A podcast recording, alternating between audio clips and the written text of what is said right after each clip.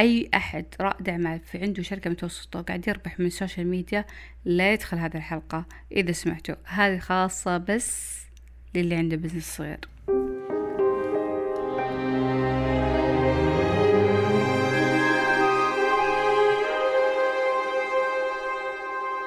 أبجديات.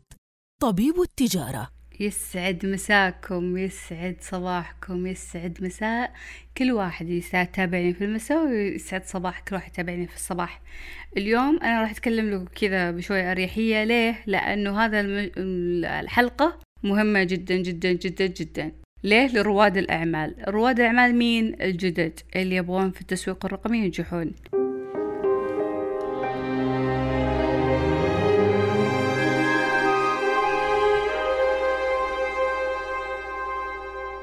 مرحبا بكم في أبجديات. بودكاست وأكثر. مميزات التسويق الرقمي للشركات الناشئة. كذا موضوع مرة رسمي. لكن أنا أقول لك يا أنت عندك تسويق رقمي كيف تقدر تتميز بين الشركات؟ كيف تقدر تتميز بين الجهات الأخرى المنافسة لك؟ كيف تقدر توصل إلى مرحلة تأسيس شركة مقومات جديدة وتخطيط ممتاز؟ في ترويج في لوحات إعلانية في كوبونات في خصم في منتجات. ما تقدر تلحق على أي شيء. تقدر تلحق على عميل بعدد كبير تقدر تلحق على يمكن عدد صغير. لكن وين النجاح؟ النجاح دائما نشوف إذا لما أحط منظاري منظار رائد الأعمال اللي يجلس في ال social media ويشوف الشركات اللي فجأة تطلع لها بعرض فجأة تطلع لها بخدمة وهو جالس يتفرج. يقول هذا كيف يجوا كيف الأفكار هذه تجيهم؟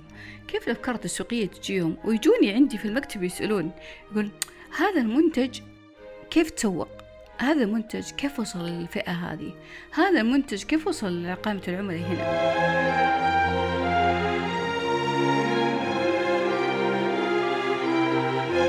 جلست مرة مع صاحب مطعم صغير.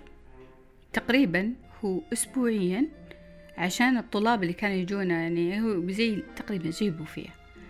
يعتبر رائد أعمال بس أنا ما يشتغل في ال social media يشتغل على الإعلان البصري اللي عنده في المحل. فقلت له كلمة واحدة قلت أنا كل يوم أشوف فئة تكبر. يعني شفت 13 14 15 بعدين وصلت 21 ليش؟ فقال أنا كنت أشتغل على الصور اللي عند المحل يعني اللي برا. فاللي يمر يعرف إنه في منتجات معينة موجودة. ما يشوف إنها بوفية وإنها ما تبيع. يشوف إنه في منتج أنا أحتاجه مثلا زي برجر زي واكيد إنه سعره رخيص. فيكون عندي الإقبال على الشكل. طيب أنا عندي مشروع وتقريبا عندي حساب تويتر وعندي حساب إنستغرام وجالس أنزل بوسترات وأنزل مدري إيش. اللي يتابعوني مو مهتمين في شغلي اللي يتابعوني ما أدري يبغون. طيب فيجي يقول أبغى أسوي إعلانات ممولة. ترى أنا بس بالبادجت حقي ألف ريال. يعني قال له الحين صرف صرف مبلغ كامل. فمع الوقت يبدأ يهبط عزيمته ما تنجح حملاته الإعلانية الوسائل الإعلانية التقليدية ما ما تنفع معه. فجأة يعني يصير عنده أشياء كذا أفكار سلبية. بعدين يقول ليش ما أسوي موقع رقمي؟ يمكن حلي في الموقع.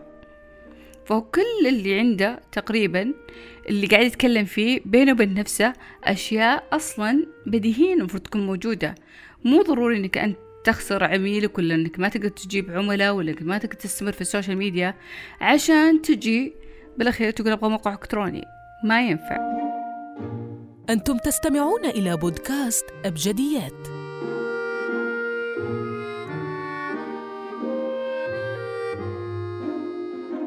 جيت سويت مرة بحث وأنا قلت لكم أنا أحب البحوث كثيرة وقعدت أبحث عن شركات بشكل مرة مرة مرة يعني عميق. تواصلت مع أكثر من شركة برمجة اشتريت منهم domain واستضافة لعدة أعوام. طيب فالأمر كان مرة كله كله جيد.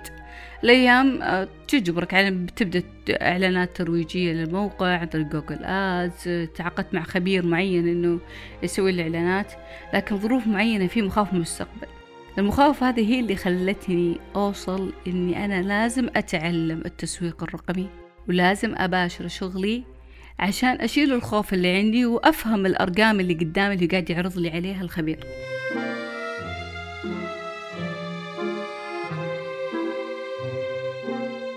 طيب هل ميزات التسويق الإلكتروني أو الرقمي مفيد للشركات الناشئة؟ هنا محور الحلقة أولا من فوائد التسويق الرقمي للشركات الناشئة اللي هو الانتشار السريع أي شركة ناشئة لازم توصل أكبر عدد من العملاء في أقل وقت زمني ممكن في نفس الوقت اعتماد على ميزانية محدودة لأن البدايات دائما لا تتسم بميزانيات مفتوحة.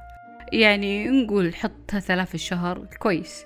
مثلا نقول حل يكون في التسويق الرقمي لأنه يعتمد على كتابة المحتوى جذب العملاء شيء يشجع على التفاعل وإعادة النشر وإعادة نقول ما أدري في منصات ثانية لكنه يعيدك ال post مرة ثانية repost تقريبا. آه في نفس الوقت آه لما أنا أجي أكتب كثير ويكون انتشاري ملحوظ الخوارزميات داخل هذه المنصات تتحا... تتحمل. يعني مثلا تتفاعل مع مع كتاباتي لأن في أشياء يكون فيها بحث مثلا ما أتوقع كثير من الحملات اللي أنا أسويها أنه يجيني مثلا دفعت مية دولار تجيني آه، ألف زيارة في موقعي إلا اللي يكون خبير خبير مرة يقدر يجيب لك إياها. مو إني أحط مثلا ألفين وأقول خلاص أنا يجيني عشرين ألف آه، عميل. لا على كل مبلغ تحطه نسبة وتناسب. حتى وانت تسوي الإعلان يعطيك المنصة أصلا شغالة عليه مثلا زي جوجل آدز زي سناب شات زي انستغرام يعطيك ال... كم عدد الناس اللي بيشوفون كم نسبتهم الحملة كم نسبتهم البجت يعطيك إياها كذا آه، أرقام. فهذه الأرقام دائما رائد الأعمال ما يشوفها ما يشوفها. ليش ما تشوفها يا عزيزي؟ لأنك قاعد تفكر أنا ترى أعطيتكم مية ريال المفروض تجيبوا لي مية عميل. أعطيتكم ألف ريال المفروض تعطوني ألف عميل. وهذه هي الفكرة السائدة الآن موجودة على كل رواد الأعمال اللي عندهم شركات ناشئة أنتم تستمعون إلى بودكاست أبجديات.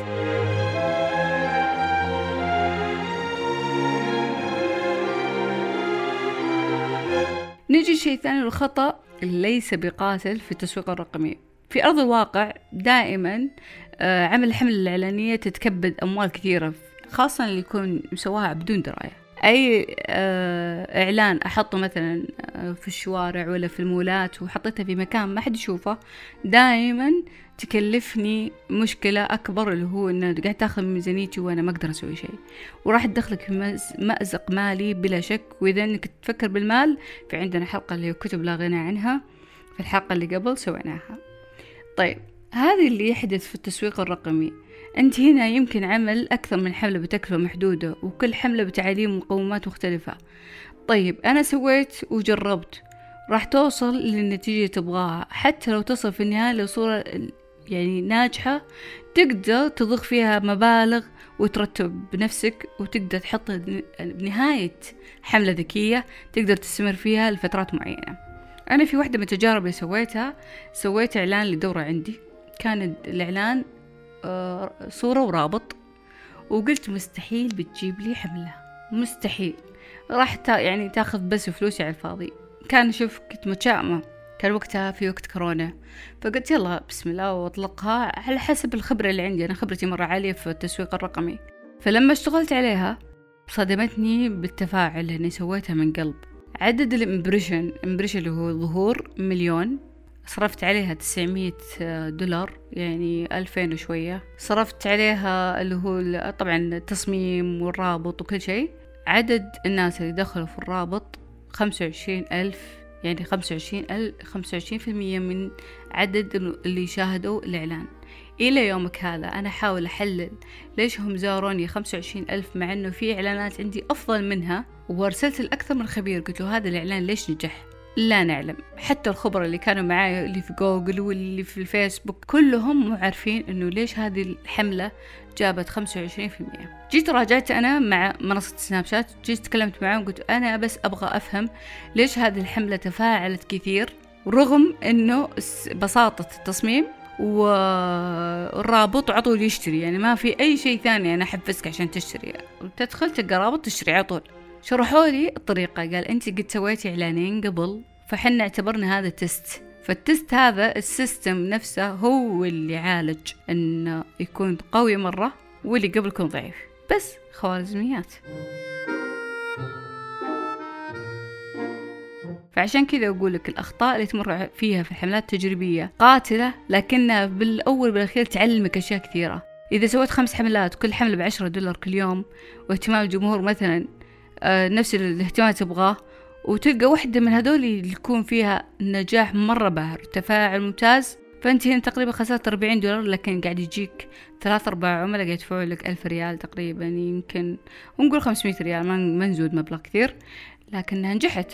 هنا بالتأكيد أفضل بكثير من مية حملة أو حملة واحدة مية دولار. وتراهن فيها إنها بتنجح وآخر شيء تخسر مية دولار ولا يجيك ولا عميل لأنك أنت سويتها بس حملة واحدة. لو سويت خمسة كان ربحت. أنتم تستمعون إلى بودكاست أبجديات. نجي الشيء الثالث اللي هو سهولة فهم المنافس وتخطيه لا يغنيني أني أنا أروح أشوف المنافس اللي معي في السوق إيش قاعد يكتب في تويتر وإيش قاعد ينزل حملات وإيش قاعد يفكر وليش قاعد يستغل اليوم الوطني ليش يستغل يوم المعلم ليش قاعد يستغل مدري إيش. يعني هذه أشياء كثيرة المفروض نفهمها. ليش إني أنا ما أتابع؟ طيب ليش أنا ما أتابع المنافس حقي؟ ليش الكبر هذا زيادة؟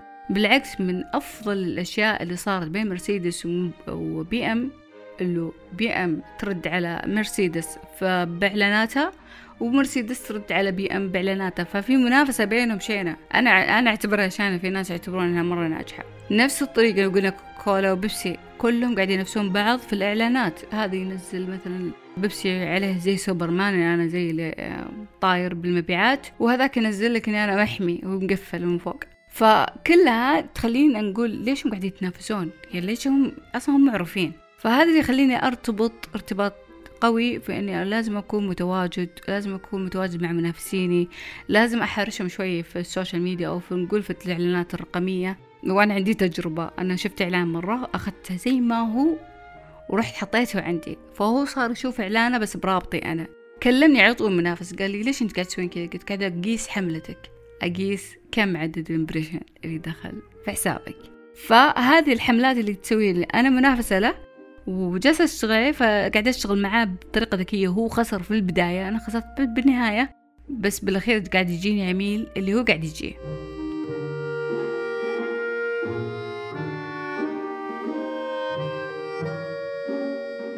بالأول والأخير يعني لا تسويها إلا أنت خبير وإذا أنك مستعد لإطلاق حملاتك الإعلانية تراسل معي.